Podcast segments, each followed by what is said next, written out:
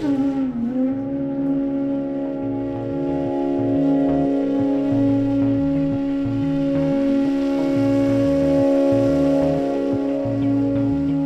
bir e, mənə şəkil göndəriblər. Şəkildə bir tekst var ki, insanları anlaya anlaya bilmirəm. Türkçəli tekst. Mən Azərbaycanca oxuyacağam.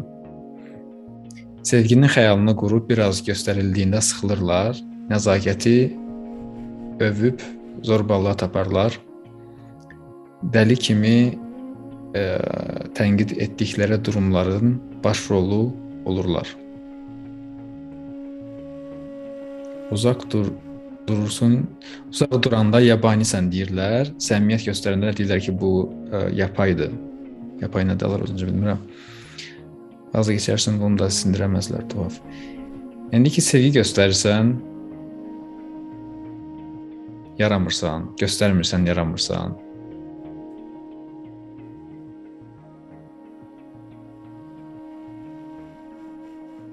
Bu durum niyə belədir? Biz normal bildiyimiz gözəl duyğulardan, sevgi, güvən, nəzakətdən niyə bu səbəblərə görə uzaqlaşmalıyıq? Heç kimə güvənməyib yalnızlaşmalıyıq.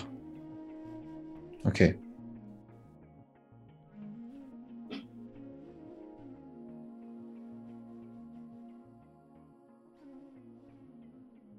Sevginin xəyalını qurub biraz göstərildiyindən sıxılırlar. Um, sevginin xəyalını qururlar da, özünü yaşamırlar axı insanlar. Elə deyil? Biz çox vaxt sevginin xəyalını qururuq. Əslində o sevgi olmur. O sadəcə bir həyəcan olur. Ehtiras olur, istək olur. Və orada sevgi olmur. Sevgi hiss etmək üçün insan kifayət qədər yetişmiş bir insan olmalıdır. Kifayət qədər yetişmiş olmalıdır. Biz çox gənc olanda, 20-ci yaşlarında Çox güman ki, insanların çoxsu o sevgini, o həqiqi sevgini hansı ki sən bir insanla paylaşa bilərsən, onu hiss eləmirlər. Onu hələ ora çatmayıb insan. Çox gənc yaşlarda bu çətin olur. Bunun üçün illər lazımdır ki, sən bunu öyrənəsən. Çox vaxt həy həyəcan olur bu. Ona görə həyəcan da keçici olur. Sən o yaxınlaşırsan, o həyəcan keçir. Və sonra deyir ki, artıq səndən sıxıldım. Artıq darıxıram. Artıq maraqsızdır. Çünki sevgi heç vaxt orada olmayıb, o səni sevmir, sevməyi bacarmır ümumiyyətlə. O qədər insan var ki, həyatı boyu sevgini hiss eləməyib. Adamlar 40 yaşındadır, sevgi nədir bilmirlər. O qədər adam var elə. Və bu çox kədərli bir şeydir. O insan, o cür insanlar bir-birlərindən istifadə edirlər, müəyyən istəklərini təmin edirlər, həyəcanlarını təmin edirlər və bu qədər. Ona görə sən sevməyi bilən insanla yaxın olsan, hər hansı bir sev sevgini, səmimiyyəti hiss edən bir insanın görəcəksən ki, o da səndən eyni dərəcədə bunu hiss edir. Mən görmüşəm, insanlar tanıyıram. Hansılar ki, onlar da həqiqətən hissiyatlıdırlar, sevgini hiss edirlər. Və o bunu insanın gözündə görmək olur. Burada yalan danışmaq olmur. O cür insanlarla sən yaxın ola bilərsən. Çünki onlar sevə bilirlər. Digərlərindən onlar bilmirlər onu. Ona görə ə, çox yaxın dursan, biraz yana bilərsən.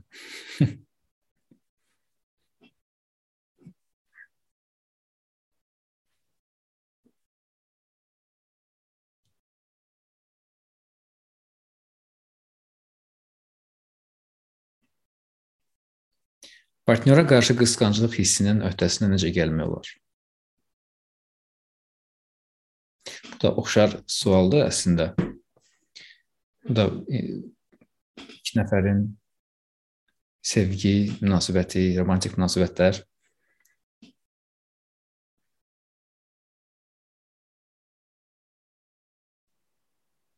Qısqanclığın öhdəsindən ancaq sevgi ilə gəlmək olar, həqiqətən sevməklə. Çox vaxt sevgi olmayanda münasibətdə qısqanclıq o sevgi münasibətini imitasiya eləməyə çalışır. Sevgi yoxdur, amma sən imitasiya eləməyə çalışırsan qısqanclıqla əslində. Sevgidə anlayış olur. Anlayış olduğu üçün qısqanclıq azalır. Və müəyyən vaxtından sonra yox olur ümumiyyətlə. Sən fikir versən görürsən ki, bu qısqanclıqda söhbət sənsən. Söhbət heç partnyor deyil əslində. Bunu görə bilirsən? Qısqanclıq söhbət səndən gedir. Sən və sənin. Mən və mənim. Qısqanclığın söhbəti budur. Mən və mənim. Əslində orada partnyorla əlaqəli heç bir şey yoxdur.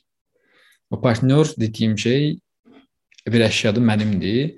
Ona görə o qısqanclıq əlaqəli olur onunla, onunla bir yerdə. Amma əslində mənimdir söhbət. Mənə aiddir o, mənimdir. Mən sahiblənmişəm. Mənə aid bir bir şeydir. Və qısqanclığım da əslində bununla bağlıdır. Və burada istək var. Burada heyranlıq ola bilər o insana qarşı. Burada ə, xoşuna gəlmək ola bilər.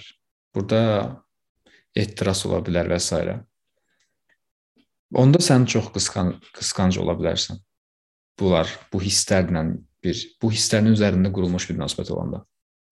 İstək, qısqanclıq, ehtiras, həvəs və s.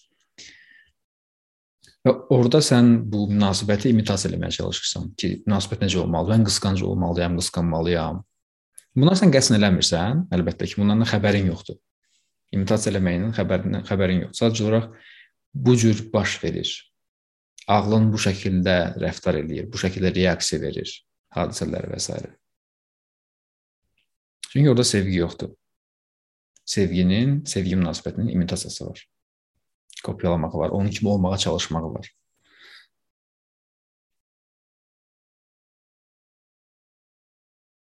Sevgi olanda isə onların heç biri olmur. Oyunların heç biri olmur. Sevgi olanda təbii şəkildə güvən yaranır. Sən görə bilərsən ki, məsələn, bu oyunu kənara qoyanda münasibət oyununu, qısqanclıq oyunu və s. deyəndə ki, okey də bu adam mənim deyil. Əslində heç kim sənin deyil, amma deyirsən ki, bu adam mənim deyil. Və içəridə bir şey deyə bilər ki, səndə, okey, bu mənim deyilsə, nə edirəm onu? Nə edirəm bu münasibət ümumiyyətlə? Əgər bu yoxdursa, bu qısqanclıq, bu bu ehtiras, bu həvəs, bu bu söhbətlər yoxsa nə edirəm onda onu? Elə bir həvəsin düşür birdən-birə, maraqsız gəlirsən artıq o münasibət. Əgər belə bir şey baş verirsə, bu deməkdir ki, ümumiyyətlə heç bir sevgi yoxdur orada. orada sadəcə oyun var. Sənin bu oyunu oynamaq istəyirsən başa düşəndə ki, bu oyundur, bu olmalı deyil bu şəkildə, təbii bir şey deyil. Onun üçün ki, nə edirəm onda o adamın münasibətdə əgər bu oyun yoxdursa. Bu deməkdir ki, orada sevgi yoxdur ayrılanda əgər ayrılan kimi o adamın üzü çönürsə birdən-birə sən, sən qarşı soyuq olursa, ayrıldıq və vəssalam, səni tanımıram. Bu deməkdir ki, o adam heç sevməyib səni. Sevgi davam edən bir şeydir, kəsilmir. Bir gün, bir gündən ə, e, kəsilən bir şey deyil, bir sözlə kəsilən bir şey deyil. Bir telefon danışığı ilə kəsilən bir şey deyil. Bir baş verən hadisə ilə kəsilən bir şey deyil, qürurla kəsilən bir şey deyil o qürurlar, o qısqanclıqlar, o oyunlar, bunlar heç bir sevgi deyil. Bu sadəcə olaraq bir performansdır. Sən performans göstərirsən, qarşıdakı ona, ona reaksiya verir və qarşılıqlı bir drama baş verir bir səhnədə. Və bu, bunun da müəyyən öz marağı var bəlkə də. Biz bunu eləyirik hər birimiz. Bu bizim ə, e, psixologiyamızda dərində yer edilmiş bir şeydir, reaksiyalardır. Biz bunu öyrənmişik və bu şəkildə reaksiya veririk hadisələrə. Başqa cür çünki bilmirik. Məsələ odur. Başqa cür bilmirik. Ona görə bu şəkildə reaksiya veririk. Və sənin ilk reaksiyan qısqanclıq ola bilər.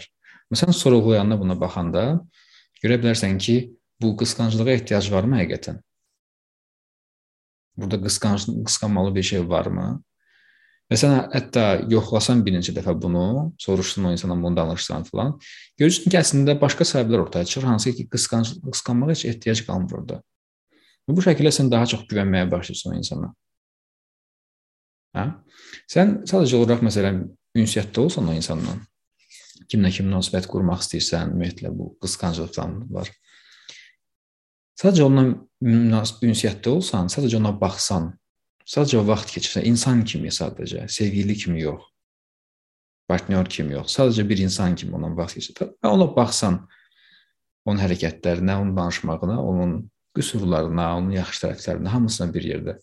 Və gör gör o insanı sən ümumiyyətlə sevə biləcəksənmi o şəkildə? Olduğu kimi sadəcə bu şəkildə danışmaqla, bu şəkildə hərəkətlərlə s.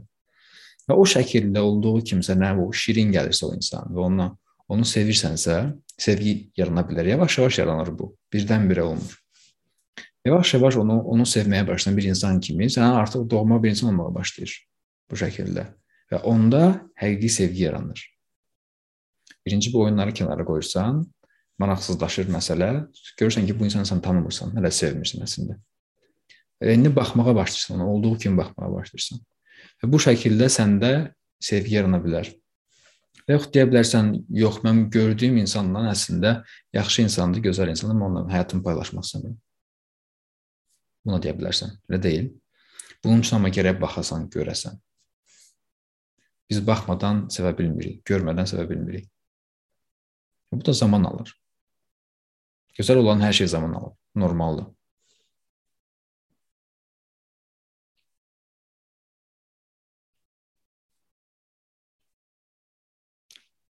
Qəribə bir şey, qəribə bir şəkildə insan özünə yaxınlaşdıqca, öz daxilini kəşf etdikcə qısqanclıq falan da yox olur. O hiss sənə artıq qəribə gəlir. Elədir, mən təxmin edirəm ki, bu çox çox gənc yaşlarında olan bir şeydir. Çünki mən də bunu yaşamışam, hər hər kəs yaşayıb yəqin ki. Bəzi insanlar daha çox qısqancdır, bəziləri daha az belə bir fərq də var, amma ə, sadəcə olaraq insan böyüdükcə daha təcrübə qaza gəldikcə, qazandıqca, yaşadıqca görürsən ki, onlar əlbəttə ki, uşaqlığın düşüncələridir, uşaq kimi düşünməkdir, bu qısqanclıqlar və s. Həyat əslində elə deyil. Yəni sən böyüdükcə əslində çox şeyi qəbul edə biləcəyi görə bilirsən. Gənc yaşında 20 21 yaşında sən deyirsən ki, yox mən bunu heç vaxt qəbul eləmərəm falan. 10 il sonra artırsan ki, niyə də yox, yəni ağ-qara deyil heç bir şey və ağıllı qurulduğu kimi deyil həyat. Sən ağlında təsəvvür etdiyin kimi deyil. Buna görə daha belə flexible olmağa başlayırsan. Onda qısqanclıq da yavaş-yavaş yox olur. Bu demək deyil ki, sən öz dəyərlərinə qarşı yaşamalısan. Bu demək deyil. Sən öz dəyərlərinlə yaşaya bilərsən, amma qısqanclığa da ehtiyac qalmaya bilər.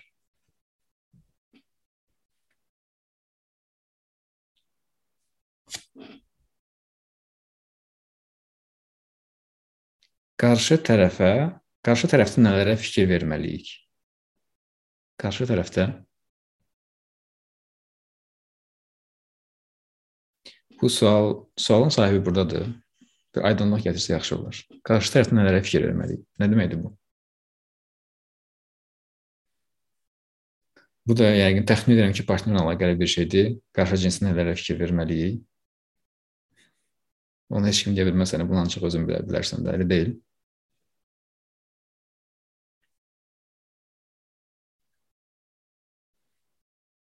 İçimizə yığılan neqativlərdən bir dəfəlik Necə təmizləmək? Bunun üçün nə etmək lazımdır? Ki, bu yaxşı sualdır. İçimizdəki neqativlərdən bir dəfəlik təmizlənmək üçün nə, nə edə bilərik? Bu əslində bir dəfəlik təmizləmək mümkündür. Bir dəfəlik bütün bu neqativləri və yaxud stressləri, ondan bağlı olan hər şeyi kənara qoymaq mümkündür. Bu həqiqətən mümkündür. Sənin ağlın çox qarışıq ola bilər. Sənin ağlına çoxlu problemlər ola bilər çoxlu neqativ düşüncələr ola bilər. Düşüncələr sənin bədənin neqativ şəkildə reaksiya verə bilər hisslərlə, emosiyalarla. Amma bütün bunların hamısını kənara qoymaq mümkündür əslində. Çünki sən o hisslər deyilsən. Sən o fikirlər deyilsən.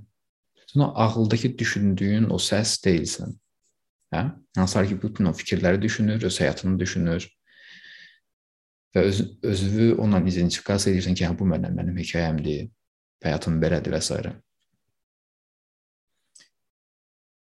Bu fikirlərin hamısını kənara qoya, qoya bilsən, bunun üçün heç bir şey eləmək lazım deyil. Sadəcə görmək lazımdır ki, bir mən varam burada, bədənin içində oturmuşam. Yəni bunu sən indi hiss edə bilərsən. İndi məni eşidirsən, öz bədənimin içində oturmusan. Və bu müəyyən bir bu indi burada olmaq hissidir. İndi burada sənin öz bədənində oturmusan. Mən də öz bədənimdə oturmuşam və biz belə söhbət edirik. Və bu bu vəziyyətdə sən sadəcə olaraq varsan bədənin içində. Və bu vəziyyətdə sən heç bir neqativ də neqativin yoxdur əslində, heç bir fikir yoxdur, ona ehtiyac da yoxdur. Neqativ hisslər də yoxdur. Amma sənin diqqətin burdan keçə bilər fikirlərə, keçmişə, yaddaşa və sən orada başlaya bilərsən ə, diqqətlə işlənməyə, qurdalanmağa, o fikirlər, bu fikirlər, o neqativ fikirlər olanda neqativ hisslər hiss edəcəksən bədənində. Yəni hisslər bədəninin fikirləridir. Fikirlərə olan reaksiyasıdır.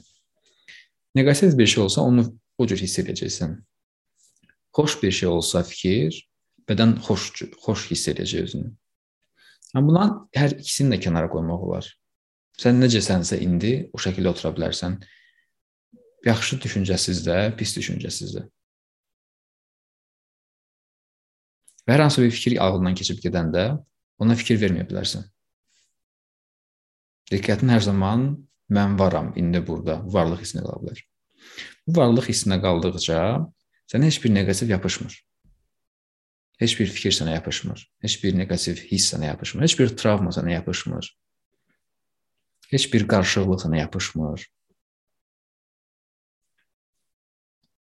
Bu başa düşülür və bunu praktiki olaraq elə eləmək mümkündür sizin üçün. Yoxsa bu sadəcə olaraq mən danışan bir gözəl bir teoriyadır, gözəl bir xəyaldır, hansını ki bəlkə nə vaxt eləyəcəyik. bəlkə yoxsa elə bir şeydirsə, bunu daha da praktik olaraq izah edeyim və yaxud bunu bir yerdə hiss eləyək. Çünki mənim danışmağımın heç bir mənası yoxdur əgər bu təcrübə olunmursa. Mən öz təcrübəmə əsasən deyirəm bunları. Bu teoriya deyil ki, a, bəlkə də mümkündür elə bir ruh halı, biz hər şeydən azad olarıq filan. Bu teoriya deyil. Bu praktiki mənim hal-hazırda yaşadığım bir şeydir. Onu yaşamağın da yolu odur ki, mən varlıq hissi var, bir də fikirlər var. Bunlar ikisi ayrı-ayrı şeylərdir. Və sənin varlıq hissin sevgi hissindən aktivləşir.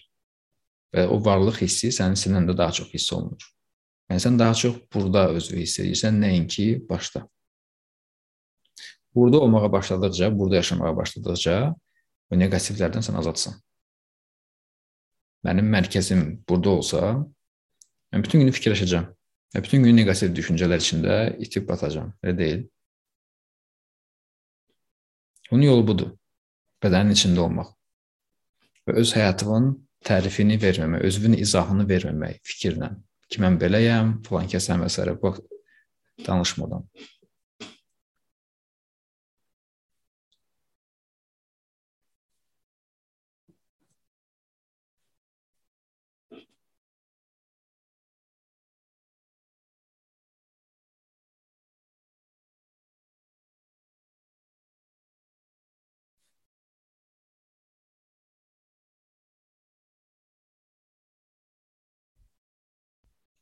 Aysel buradadır. Yazmışdı qəbul edilmiş.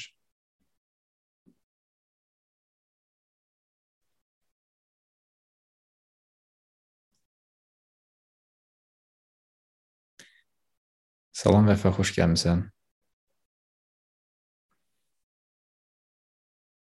Salam Fərdican, ağrının bizim üçün önəmi haqqında danışa bilərikmi? Diqqət etmişəm, ruhsal ağrılı hiss etdikcə ruhsal ağrılı hiss etdikcə və ya sanki boşluq hissi kimi bu müəyyən müddət davam etdikdən sonra yeni şeylərin fərqində olmuşam. Yeni bilgilərdən xəbərdar olmuşam.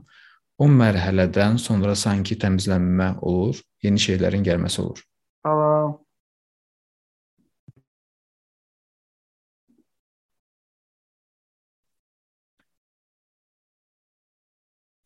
Bu doğrudur.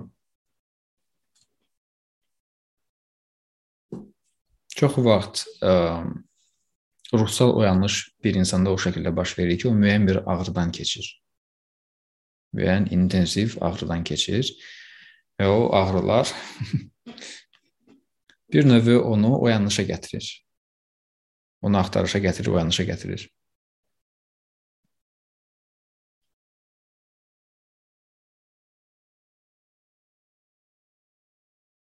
Bu deməkdir ki, biz ağrı çəkməyə yönlənməliyik. Yəni meylli olmalıyıq ağrı çəkməyə. Qoymalıyıq ağlamalı türk mahnıları və onları düşünməliyik. Ağrılı, əzablı vaxtlarımızı, keçmiş sevgililərimizi filan oturub içməliyik siqaretlə filan ki, mən ruhsal oyanışa doğru hərəkət edirəm. Nə vaxt aydın olacağım bu şəkildə. İbrahim Tatlıses bir yerdə. Belə bir şeyə ehtiyac yoxdur. Yəni meylli olmaq lazımdır ağrıya. Ümumiyyətlə daha çox sevincə meylli olmaq lazımdır. Yəni sevincə və sevgiyə meylli olmaq lazımdır. Yəni bu deməkdir ki, sən şüurlu şəkildə ora, hərəkət edirsən. Qarşına seçim olanda sən sevinməyi seçirsən. Seçim olanda sevgini seçirsən. Yəni bu elə bil ki, bir növ bunun üçün sən ə, səy göstərirsən. Öz özünə, öz özünə pasiv baş baş verməsinə imkan vermirsən. Yəni səy göstərirsən o tərəfə. Amma ağrıya səy göstərməyə ehtiyac yoxdur və oradan qaçmağa da ehtiyac yoxdur. Ağrı ola bilər ki, sən nəsə səhv eləmisən. Nəyisə həyatında görməmisən və yaxud Sənin ruhun sənin dediyi bir şeyi eləmirsən, ürəyin sənə göstərdiyi yolla getmirsən və onda ağrılar ola bilər. Sən sənin ruhun ağrıyır, sənin ürəyin ağrıyır. Hə? Və yaxud nəsə səhv eləmisən, ağrı ola bilər və yaxud hətta ki, sevgilindən ayrılmısan və ona müəyyən bir bağlantı olub səndə və o bağlantı indi qop qopur yavaş-yavaş o ağrılı ola bilər. Müxtəlif səbəblər ola bilər ağrıya. Hər bir halda ağrını çəkməlisən, ağrını yaşamalısan. Yaşayandan sonra əlbəttə ki, yüngüllük baş verir. Mənəvi bir yüngüllük olur. Hətta sevinç hissi ola bilər, sevgi hissi ola bilər, euforiya hissi ola bilər. Bunlar arta bilər. Sonra onlar da düşəcək aşağı, onlar da yəni həm əbədi deyil. Amma əgər sən şüurlu şəkildə mənəvi yolla hərəkət eləsən, öz öz ruhun, öz ürəyin yolla hərəkət eləməyə davam eləsən, o sevgi və sevinc həmişə səndə qalacaq. Yəni biz həmişə sevgi və sevinc hissinə yaşaya bilərik. Əslində həyat da belədir. Həyat özü, təbiət özü belədir, sevinclidir. Necəsə belədir, bilmirəm niyə.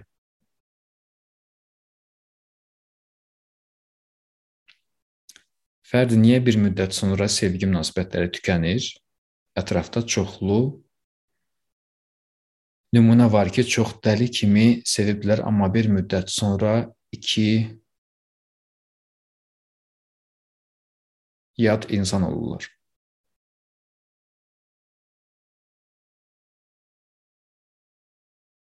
Dəli kimi sevmək lazım deyil də, yəni. o dəli kimi sevgi o deyil axı. Məncə o heç o sevgi deyil, yəni dəli kimi sev sevmək. O daha çox Bu mənə daha çox həyəcanı xatırladır. Həyəcanlı və ehtiraslı. Mənim bir dostum var, hər həftə gəlir, ehtirasla və həyəcanla bir qadın haqqında danışır. Ki, tapdım, möhtəşəmdir, heç vaxt belə bir şey yaşamamışam. İlk dəfədir, belə bir söhbətlər çox dərin, nə bilim. Elə danışır ki, adam inanmaq istəyir ki, bu həqiqətən tapıb öz ruh əkizini tapıb və hər şey mükəmməl olacaq bundan sonra. Və onun bunun mən artıq mən görürəm ki, bunun bu söhbətin ömrü artıq yəni heç bir il belə deyil, yəni bir bir həftədir, yəni bir həftə. Bircə həftə keçir və nə oldu? Heç, yəni danışmırıq. Görsən, o əslində inansın ona, o həyəcana, gözündə işartılar, alov yanır və özünü çox xoşbəxt hiss həyəcanlı hiss edir. Ki birdən-birə həyat gəldi həyatına. Gözünə işıq gəldi. Amma o sevgi idi, o sevgi deyildi. Həyəcan idi, istək idi və ehtiras idi. Və bu hisslər də çox da tez aşağı çökür. Onun üçün heç illərə ehtiyac yoxdur, bir neçə ay belə bəs edir insanlar üçün. Sevgi amma sakitdir. Sevgi sakitdir, yavaşdır. O çox belə ə, alışıb belə özünü göstərmir. Çox sakit hərəkət edən bir prosesdir.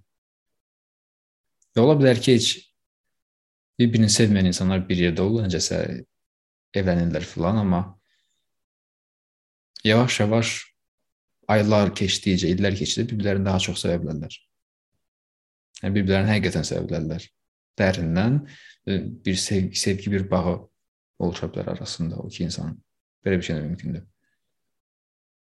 O göstərişli şeylərin çoxsu sevgi olmur. Onu görə bilərsən sən.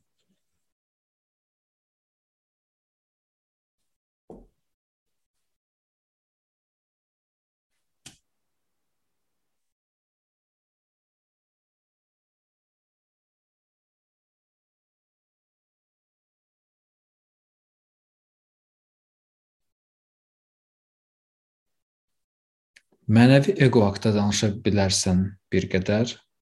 Bir də görürsən, birdən-birə ego qubqa kimi çəkib özünə söhbəti və özünü mənalı iş görən biri kimi tanımlayır hətta. Hmm. Mənəvi ego.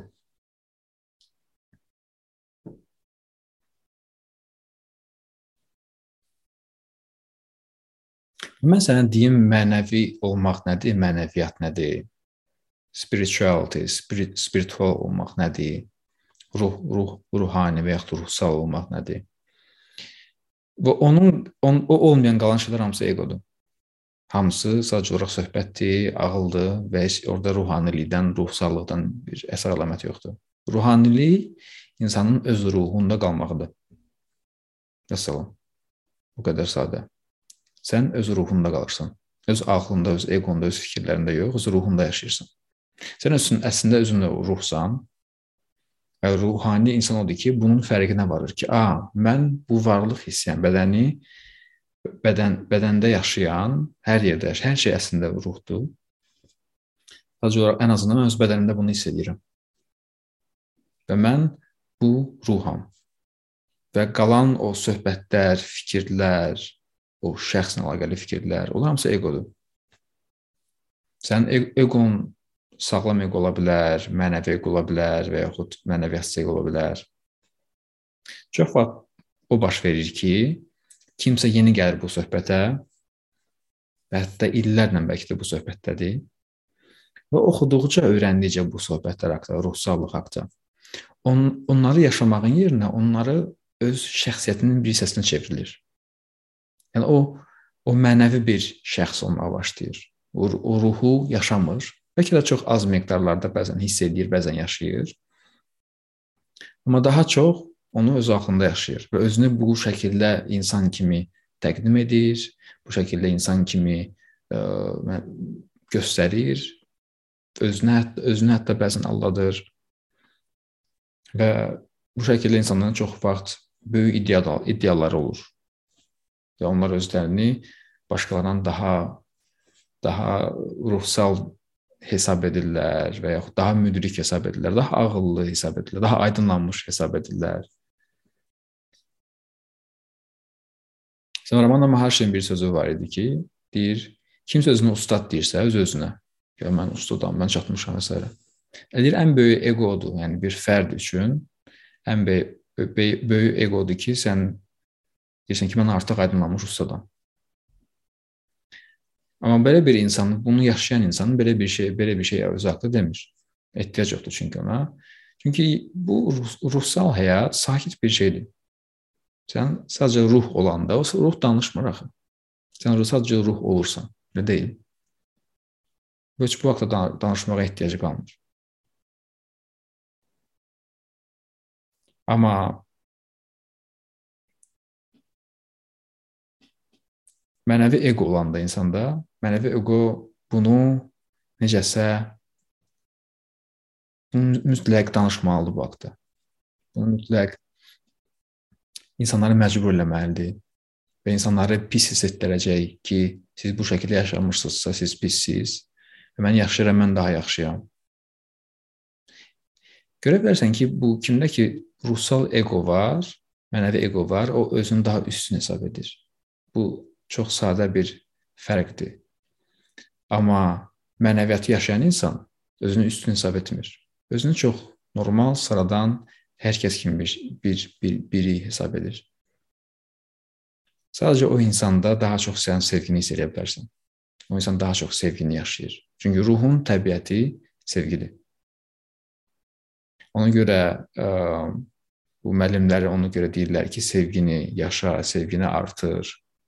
Sevgi deyəndə nəzərdə tutduğum romantik sevgi deyil öz partnyoru təkcə sevmək deyil. Sevgi keyfiyyət kimi. Sevgi və mehribanlıq hissi. Sən sevgi ilə öz əşyalara da baxa bilərsən. Sən sevgi ilə öz pişiyevə də baxa bilərsən. Öz qonşulara da baxa bilərsən. Və deyir, bu sənin keyfiyyətindir. Sən bu şəkildə baxırsan. Bu şəkildə baxa bilirsənsə, bu deməkdir ki, sən öz ruhundan baxırsan, öz ruhu yaşayırsan. Sən ruhsal insansan. Yox bu sevgi yoxdursa, varlıq hissini yaşamırsansa, ancaq söhbətlərlə, fikirlərlə yaşayırsansa, bu həmin o imitasiyadır. Mənəvi insanın imitasiyasıdır.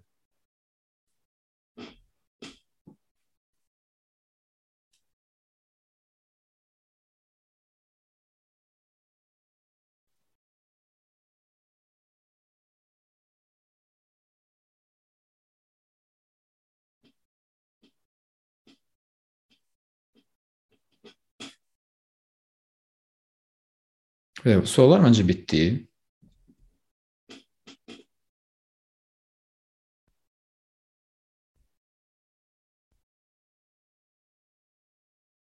Başqa kiminsə e, bir sualı varsa, yaza bilər, danışa bilər, bildirə bilər.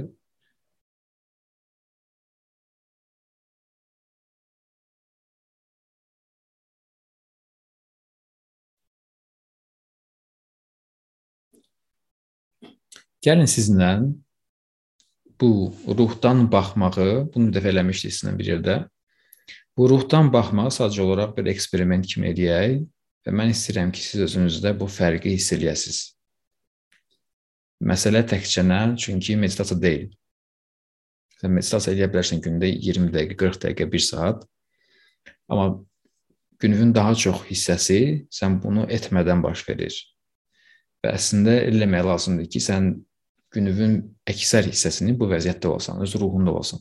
Çünki bu sənsən. Özün olmaq həmişə daha yaxşıdır nəinki özün olmaq. Elə deyil? Öz qarşında hər hansı bir əşya seçə bilərsən və həmin o əşyaya bax sadəcə olaraq. Əgər qarşında insan varsa, insana da baxa bilərsən, amma hər hansı bir əşya seç, qarşında ona bax. Sadəcə normal baxırsan, həmişə baxdığın kimi. Və bu bu baxışa diqqət elə, ona baxanda. Baxmağa davam elə bir şeyə. Bir şeyə baxmağa davam elə, sadəcə mənim səsimə qulaq as. Və bu o baxışda onu sadəcə olaraq incələ ki, necə baxırsan, orada hansı hisslər var? Hardan baxırsan? O baxış daha çox başdandır. Yoxsa daha çox gözlərindir? Yoxsa biraz başdan biraz daha dərindən bir yerdədir, yoxsa necə bir necə bir baxışdır? Sadəcə o baxışa bax. O görməyə baş verir və sən də görürsən. Həmin əşyaya baxırsan. İndi həmin əşyaya baxmağa davam eləyirsən və o əşyaya biraz daha mehriban şəkildə baxırsan. Sanki görünməyən bir əllə ona sığal çəkirsən. Yəni o əşyaya görünməz bir əllə sanki sığal çəkirsən. Biraz daha mehriban şəkildə baxırsan. Və biraz daha təbəssümlə baxırsan, daxili bir təbəssümlə. Sanki o əşya sənin üçün çox doğmadır və onu dəyərləndirirsən və sən ona çox sağ ol deyirsən orada olduğu üçün. Bu şəkildə baxırsan. Və bu şəkildə baxmaq, bu daxili təbəssümlə baxmaq, bu sən öz ruhundan baxırsan. Və sən o baxdığın şeyi hiss edirsən. Və o baxışda sən ayıqsan. Sən fərqindəsən. Sən özünsən, həqiqətən özünsən. Digər baxış, ilk baxdığın baxış sadəcə mexaniki bir baxışdır. Orada insan özünü unudur çox vaxt unudulmuş bir baxışdır. Və ona görə də baxdığı şeyi tam şəkildə görə bilmir, dəyərləndirə bilmir, sevə bilmir. Amma sən öz ruhundan baxanda nəyə baxırsansa bax, hər bir insana baxırsansa bax, o şəkildə baxsan sən daha çox sevgi hissi ilə bağ, bağ qura bilirsən. Əlaqə qura bilirsən baxdığın şeyin.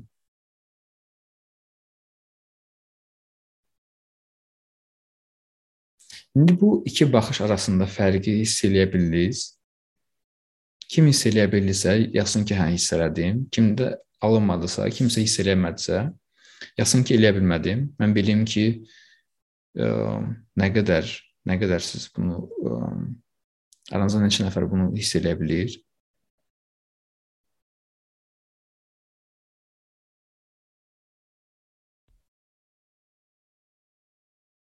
O şəkildə baxmaq, o baxış bu həqiqətən insanın öz ruhu olmağıdır və ruhsal bir insan bu şəkildə baxır, bu şəkildə yaşayır. Qalanları sadəcə olaraq fikirlərdir, eqodur, ağıldır.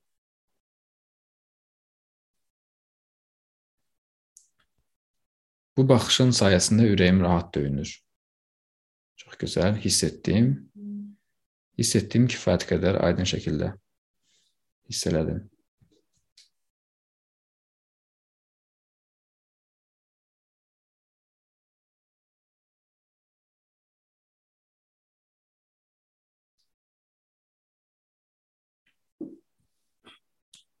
Ruhən olan baxışda anlıq həyəcanlanma normaldır. Normaldır, hə. Normaldır. Bu normaldır müəyyən vaxtdan sonra sonra artıq o həyəcan bu şəkildə olmur. Daha çox rahatlıq yaranır. Bunu səndən öyrənib təcrübə etmişəm və hər gün bunu diqqətlə sax diqqətlə saxlayıram. Çox yaxşıdır bu. Dəftərim daha parlaq görsəndi və mənə doğma biri imiş kimi. Daxili bir huzur içində idim. Mən ilk əvvəl baxanda da hiss edərək, sevərək baxırdım deyə fərq olmadı sanki. Okay, ya sən həmişə elə baxırsan? Ona görə fərq yoxdur.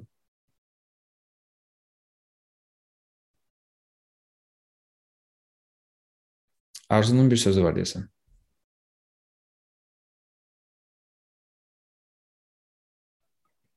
Öncə təşəkkürümü bildirirəm sizə. Çox təşəkkürümü bildirirəm. Mən də hiss elədim, amma ikinci söhbəti tuta bilmədim nəsə. İkinci söhbəti, ikinci baxışı? Bəli, ikinci baxışı nəsə hiss eləyə bilmədim onu. Siz baxanda hər hansı bir əşyaya Ona daha qayğıla baxanda müəyyən bir hiss, hisslərinizdə müəyyən bir dəyişiklik olur. Dəyişiklik təbii ki, olur. Necə bir dəyişiklik olur məsələn? Məsələn, tutaq ki, mənim e, qanım qaradır, amma nəyəsə bir sevgi ilə baxanda tamamilə başqa bir hisslər keçirməyə başlayıram. Hə. Deməli hiss edirsiniz də, həmin o o o insan öz ruhuna baxmağıdır. Bəli. O şəkildə baxan, həmin o baxan, o baxan ruhdur. O, o baxan aydınlanmış ruhdur, aydınlığın özüdür. Yəni o şəkildə baxanda sən artıq problemin olmalı deyil ki, mən aydınlanım, aydınlanmalıyam və yaxud nəsə pis həyatında o baxan onun özü ən insanın ola biləcəyi ən pak, ən təmiz, ən gözəl vəziyyətdir. Çünki o ruhun özüdür. Sadəcə bizim problemimiz olur ki, biz bir neçə saniyə baxırıq oradan, sonra diqqətimiz gedir fikirlərə orada itib batırıq Və yenə qara qara eynəklərlə baxırıq hər yerə.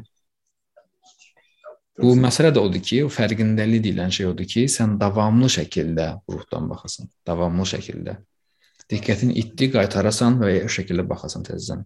İtdi, yenə gətirəsən, yenə baxasan. Bu çətindir, bu asan deyil. Heç kim demir ki, bu asandır, bu sadədir. Bu yəni bu kompleks bir şey yoxdur da burada. Yəni bu qəliz bir şey yoxdur. Çox sadədir. Amma bunu yaşamaq çətindir. Sadədir, amma çətindir. Amma bunu nə qədər 1% belə artırsan özündə, bunu səy göstərdiyin səylərlə, bu özü sənin həyatına böyük dəyişiklik gətirib çıxarır. Artıq o neqativlər problem olmur. Çünki sən yavaş-yavaş ruh olmağa başlayırsan. Ruh olduqca o saflıq, o paklıq nədir? Sən onu hiss etməyə başlayırsan, onu təcrübə etməyə başlayırsan, onu yaşamağa başlayırsan. Ona görə də bu önəmlidir. Teşekkür ederim. Çok sağ olun. Rica ederim.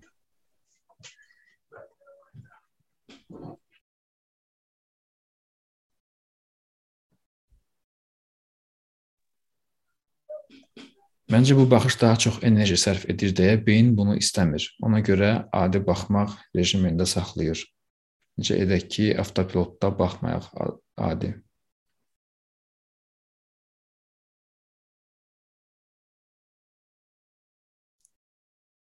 Əslində elə deyil. Beyin daha çox enerji sərf eləmir. beyin daha çox enerji sərf edir ondakı sənin ə, beynin çox daha aktiv olur fikirlərlə. Beyində bir hissə var və o hissə da davamlı narahatlıqlar keçirən bir hissədir və davamlı xaotik düşünür. Və biz ə, tərpənməsək belə, sadəcə otursaq belə, beynimiz o enerjini istifadə etməyə davam edir. Çünki beyin rahatsızdır, davamlı şəkildə aktivdir. Amma bu vəziyyətdə sən qalsan, bu sevgi vəziyyətində, meditativ vəziyyət deyə bilərik buna. Bu vəziyyətdə sənin beynin daha az enerji sərf edəcək əslində. Beynin daha rahat olacaq çünki. Beynin də, bədənin də, ruhun da daha çox rahatlıq içində yaşayacaqsan. Və bunu daha çox ə, etmək üçün sadəcə olaraq etmək lazımdır. Hə bunun necəsi yoxdur. Bunu sadəcə olaraq etmək lazımdır. Burada məsələ diqqəti təlim etməkdir. Diqqəti hər dəfə eyni yerə gətirməkdir. Hər dəfə diqqətə ağla deməkdir ki, mənə bu önəmlidir. Bu şəkildə bax, bu şəkildə gör. Diqqət burada olsun. Və bunu sən özün elə etməlisən hər dəfə. Hər dəfə etdikcə hər dəfə daha da rahatlaşır növbəti dəfə etmək. Bunu sən musiqi qoyub edə bilərsən, nəsə qulaq asa bilərsən, bu videolara baxa bilərsən. Oxuya bilərsən bu barədə. Nə ki bunu aktivləşdirir, bu ruhu aktivləşdirir. Hər cür köməkdən istifadə edirsən. Sən ona görə bu görüşlər buralarda olmaq onun özü böyük böyük bir şeydir, böyük köməkdir.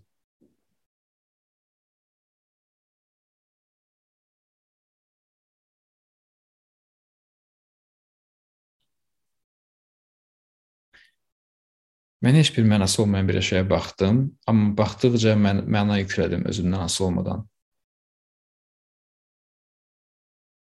Bunu başqa bir şey də edə bilərsən. Yəni bir neçə əşya götür seç. Bu çox ani baş verən bir şeydir, bir dəyişiklikdir. Yəni bunu sən özün, məsələn, başqa bir şeyə bax və ona ona sevgi ilə bax. Gör neytral olan bir əşyaya. Yəni bir kitaba və yaxud qələmə, hansı ki çox da gözəl deyil, neytral olan bir şeyə bax gör sevgi hissi keçirə bilirsən anındaca. Yəni bu insanın öz ürəyini artıq müəyyən qədər işlətməyidir. İşlətdikcə o daha möhkəm, daha güclü olmağa başlayır. Sən birinci məsələn sevdiyin insanları düşünürsən, onlara xoşbəxtlik arzu edirsən. Bu səndə sevgini aktivləşdirir. Sonra neytral insanları düşünürsən, tanımadığın insanları düşünürsən, gö görəndə onlar onlar təsəvvür edirsən xoşbəxt şəkildə.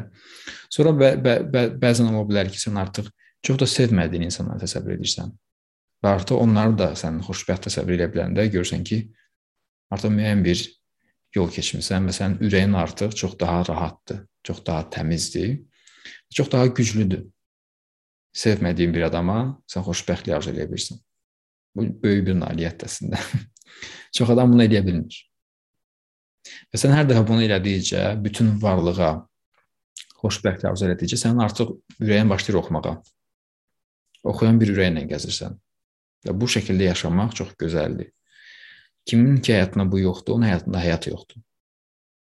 Onun həyatında həyat yoxdur, həyat çatışmır. Və görə bilərsən ki, o insan vampir kimi yaşayır. Başqalarının həyatına girmək istəyir, onlardan həyat enerjisi almaq istəyir.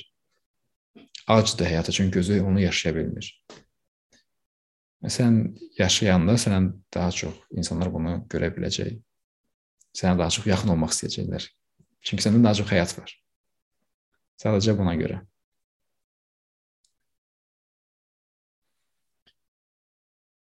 Fikirlər çox vaxt qoymur fokuslanmağa. Fikirlərə diqqət ayırmırsan. Fikirlər gəlib gedə bilər, o problem yoxdur, amma sən daha çox oradan baxdıqca, davam etdikcə bu olacaq.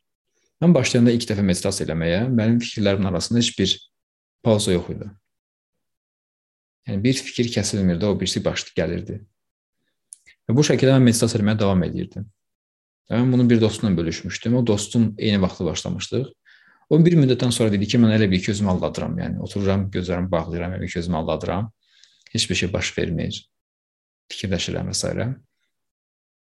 O çox da davam eləmədi bu söhbətə. Mən davam etdim. Daha daha da güclü şəkildə, daha çox araşdırdım, daha çox oxudum və yavaş-yavaş anlamağa başladım ki, bu meditasiya nədir ümumiyyətlə? Mən nə etməliyəm, nə etməli deyiləm meditasiyada.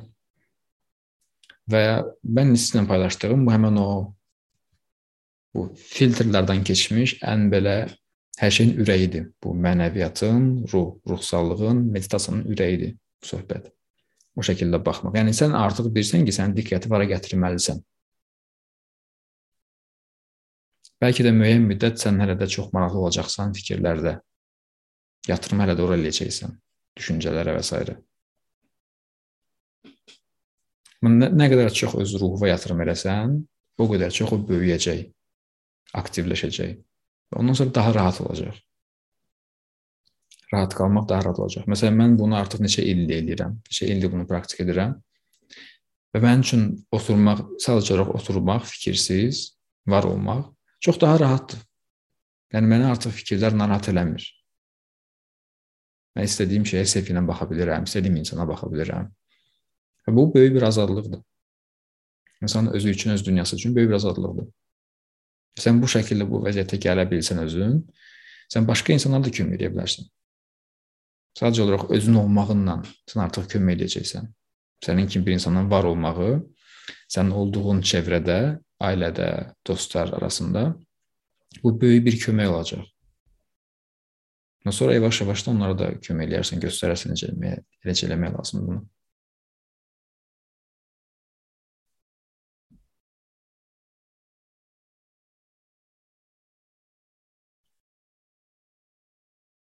Mən hirsləndiyim insana qarşı o hissi o an yaşamayanda aqressivləşirəm. Amma gələn hissi yaşadımsa daha tez gedir bu duyğu. Həmin an sevgi ilə baxmaq çətin olur. Düşünürəm ki, özümü məcbur edirəm. Halbuki bu təbii şəkildə baş verməlidir. Bu məcburiyyət sonradan təbiiliyə keçirmi? Normaldır. Nə vaxtsa sən nəsə kimsə əsəbləşdirə bilər, özündən çıxa bilərsən. Bu normaldır. Bu hər kəsdən baş verir. Sadəcə sən biləndə ki, yavaş-yavaş öyrəndikcə, biləndə ki, artıq kim səni əsəbləşdirirsə, bu deməkdir ki, o sən o, o insan sənin üzərində artıq bir gücə sahibdir və səninlə manipulyasiya edə bilər. Yəni bir növ sənə diktə edir ki, sən özünə necə hiss edəcəksən. Onun hərəkəti səni sənə diktə edir ki, sən özünə necə hiss edəsən və səni əsəbləşdirirsə bu, bu deməkdir ki, sən buna icazə verirsən. Mən özümdən çıxıramsa, bizim müəyyən bir şeydə, bu deməkdir ki, mən orada bir zəifliyim var. Və orada imkan verdim ki, sən ə, məni bu vəziyyətə gətirəsən, əsəbli vəziyyətə gətirəsən. Mən bunun fərqində olsam həmişə davamlı şəkildə o cəhd baş versə də mən əsəbləşməyəcəm və bunu zarafatca yola verəcəm. Bu şəkildə o insan mənim üzərimdə gücə sahib olmayacaq. Mən, mən də əsəbləşməyəcəm və mən öz keyfiyyətimi itirməyəcəm. Hansı ki, sevgi və s. bu keyfiyyətdir. Bu müəyyən bir ustadlıq tələb edir. Bunun üçün biraz zaman lazımdır. Diqqətli olmaq lazımdır. Amma hansı his gəlirsə onu yaşayırsansa, o problem deyil yəni.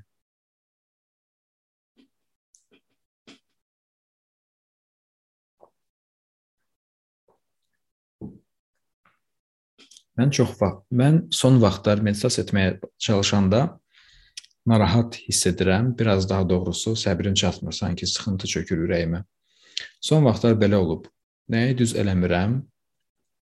Ya da nəyə görə belə olur səncə?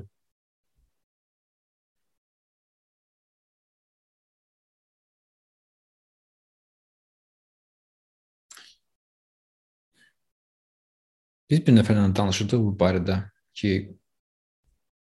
meditasiya eləyə bilmir. Çünki içində bir qarşı durma var, buna qarşı müəyyən bir şey var, resistance var.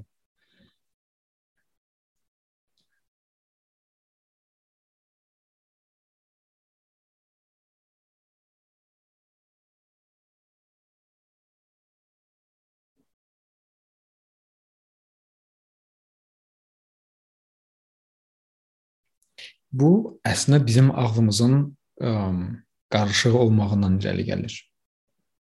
Bizim ağlımız qarışıq olanda və ağıl çox vaxt bu meditasiyaya, bu söhbətlərə qarşı olur. Bir növ gir istəmir girmək, oxumaq və yaxud öyrənmək, eşitmək, meditasiya eləmək. Buna qarşı bir qarşı durmaq olsa, səndə buna qarşı bir ə, yəni istəmirsən bunu elə, elə, elə, eləyəsən. Amma keçid baş verəndə keçid bayaqların biz təcrübə etdiyimiz keçiddir. Sən normal baxmaqdan ruhdan baxmağa başlayırsan. Sən ağıldan ürəyə keçid edirsən. Ağıl düşünən, istəməyəndir.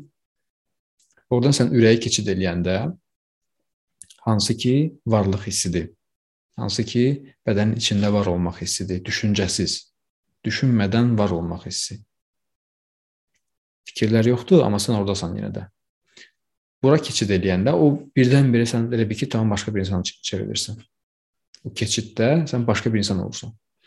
O o insan olanda artıq sən meditasiya meditasiyadasan. Yəni artıq əlavə heç nə eləməyə ehtiyac yoxdur.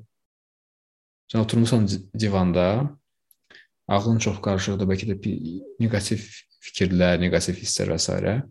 və birdən bunun fərqinə varsan ki, okey, bu nə baş verir? Yəni mən niyə bu qarşılığın içindəyəm və mən nəyəm əslində? Mən bu fikirlərəmmi? Bunları düşünənəmmi? Bundan şikayət eləyənəmmi, yoxsa bütün bunlara baxanam sadəcə? Və onların heç biri mənə əlaqəli deyil. Görürsən ki, mən baxanam, hansı ki bədənin içindəyəm, oturmuşam. Bu şəkildə sən özvə gəlirsən. Özvə gəlirsən və özün olursan və o özün olmaqla meditasiya başlayır. Sən əlavə heç bir şey eləməli deyilsən onda. Sən divanda oturmağa davam da edə bilərsən, belə düzəldə də bilərsən, gözü bağlaya bilərsən, aça da bilərsən, fərqi yoxdur.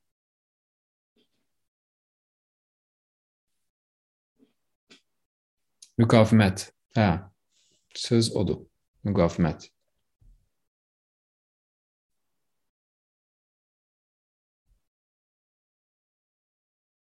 O keçid baş verməyəndə ağıldan ürəyə, adam o ağılda fırlanmağa davam edir. Sən oradan çıxa bilmirsən. Sən həmişə elə eyni şeyləri fikirləşirsən, eyni düşüncələri, eyni problemləri orada adam fırlanmağa davam edir. O orada onları həll etməyə ehtiyac yoxdur çox vaxt. Oradan sadəcə olaraq çıxmaq lazımdır. Çıxıb və suya gəlmək. Stresli bir anımda özümün xəyalımda uydurduğum yerimə çay kənarına çəkilirəm. Uzun müddət orada qalmağa qalmaq istəyirəm. Heyf ki, çox uzada bilmirəm bu halı.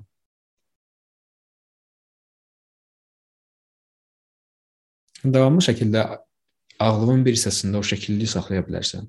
Harda ki çay kənarındasan, çay axır, gözəl bir havada quşlar oxuyur və s. Sən onu həmişə eşidə bilərsən arxada. Ağlın bir yerində, diqqətin bir yerində o var. Çünki səni yaxşı hiss elətdirir, elə deyil? Səndə o ruhu, varlıq hissini aktivləşdirir. Ona görə ağılda bir yerdə onu saxlamaq çox kömək edə bilər sənə. Gündəlik harasa gedirsən, işləri görürsən, amma kənarda bir yerdə ağıl diqqətini onu saxlamısan.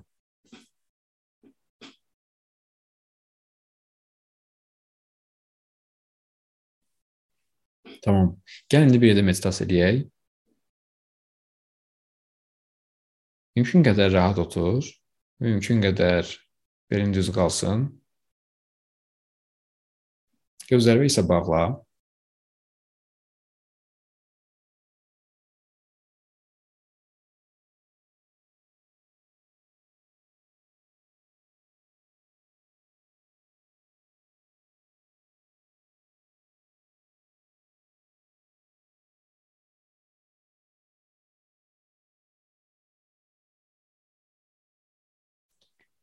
Və diqqətini gətir nəfəsinə. Necə nəfəs gəlir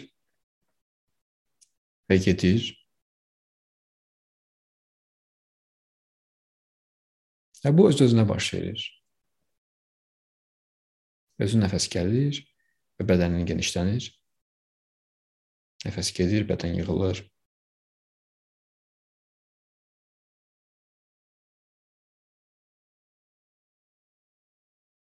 Və sən də bunu müşahidə edirsən. Bunun fərqindəsən. Nəfəsin gəlib getdiyini bilən sənsən. Həmin o fərqindəlik, ruh. Bu sənsən. Düşünmədən bilə bilirsən. Bu sənin keyfiyyətindir.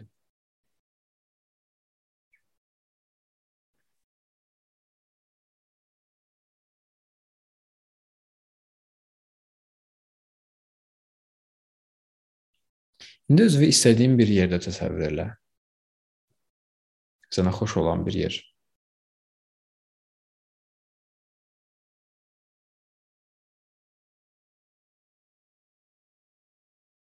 Və ürəyində yaranan o dəyişikliyi hiss elə. Həmin o hisslər dəyişikliyi. Ürəyindəki o aktivliyi.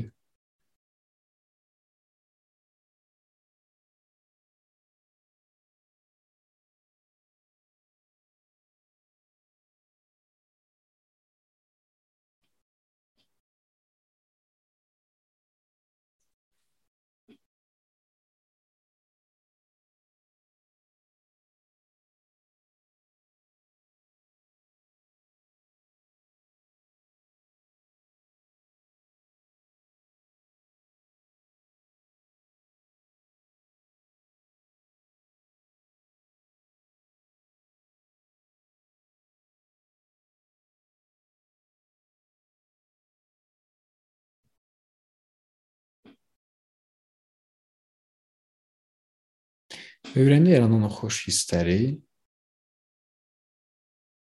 hiss edirsən. Sənə xoş olan yerdəsən.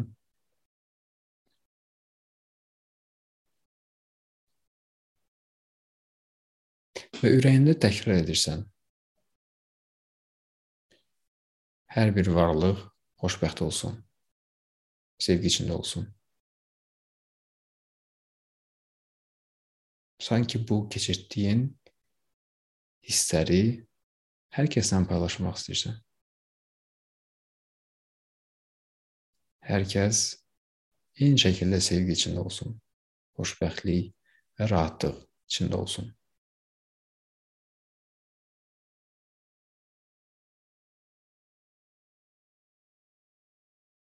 Və bunu bir neçə dəfə təkrar edirsən. Hər dəfə bunu təkrar etdikcə ürəyindəki olan o hissləri hiss elə, dəyişikliyi hiss elə.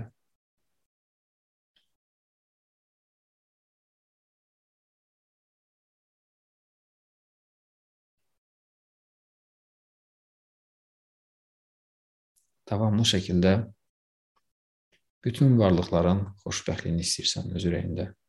Qoy bütün varlıqlar azad və xoşbəxt olsunlar. Qoy hər kəs, hər bir varlıq sevgi içində olsun.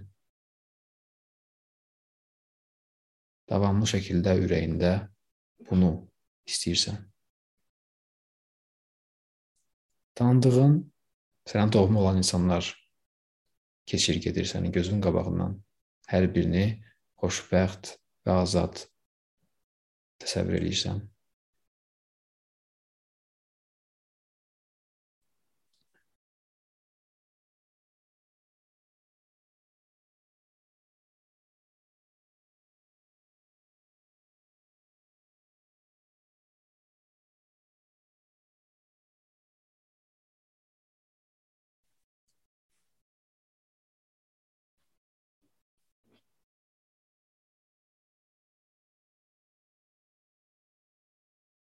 Bütün varlıqları, bütün canlıları sevgi içində, xoşbəxtlik içində təsəvvür edirsən.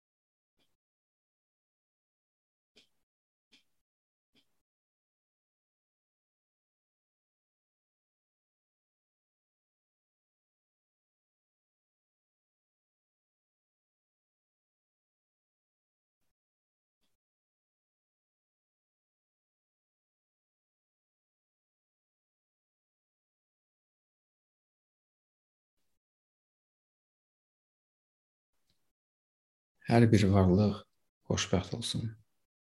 Bu şəkildə davamlı şəkildə bunu ürəyində, ağlında təkrar edirsən.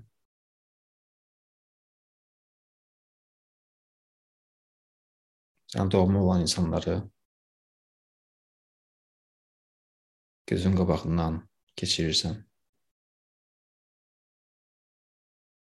Hər birini xoşbəxt və azad təbəssüm edən təsəvvür edirsən.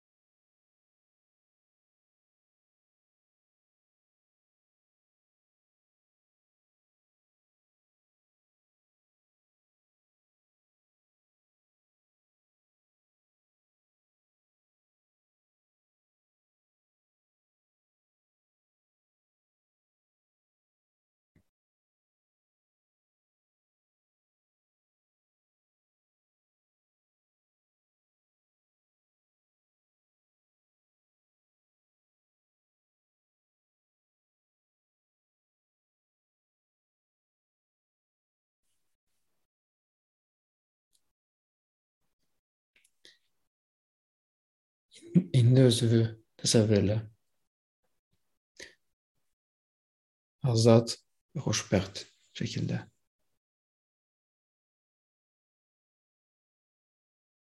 Təbəssüm edən şəkildə.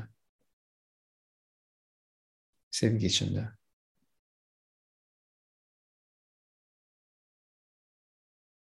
Öz və xoşbəxtlik arzula.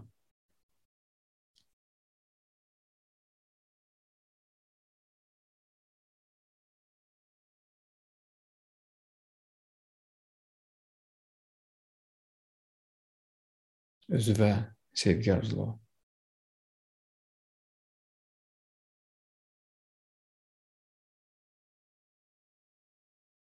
Sən hər şeyin ən gözəlinə layiqsən denən.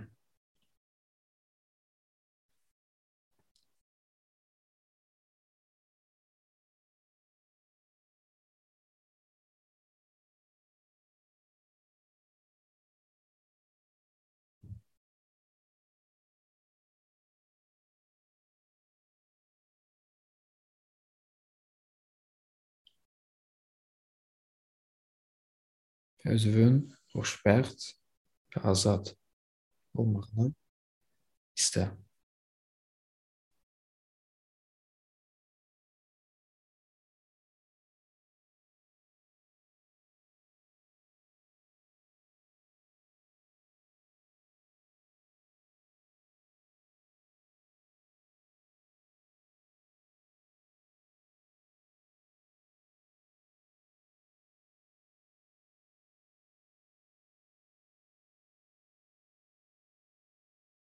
Yavaş yavaş. Yavaş yavaş gözlerini açabilirsin.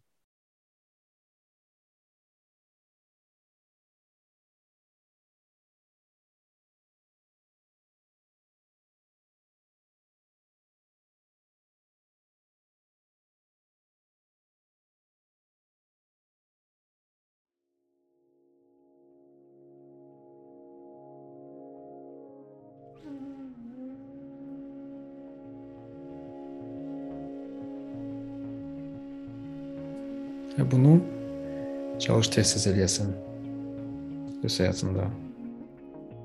Çünki bu həqiqi sənin açır və çıxardır çölə.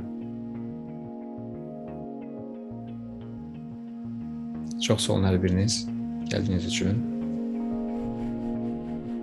Tezliklə görüşərik yenə də. Hələlik.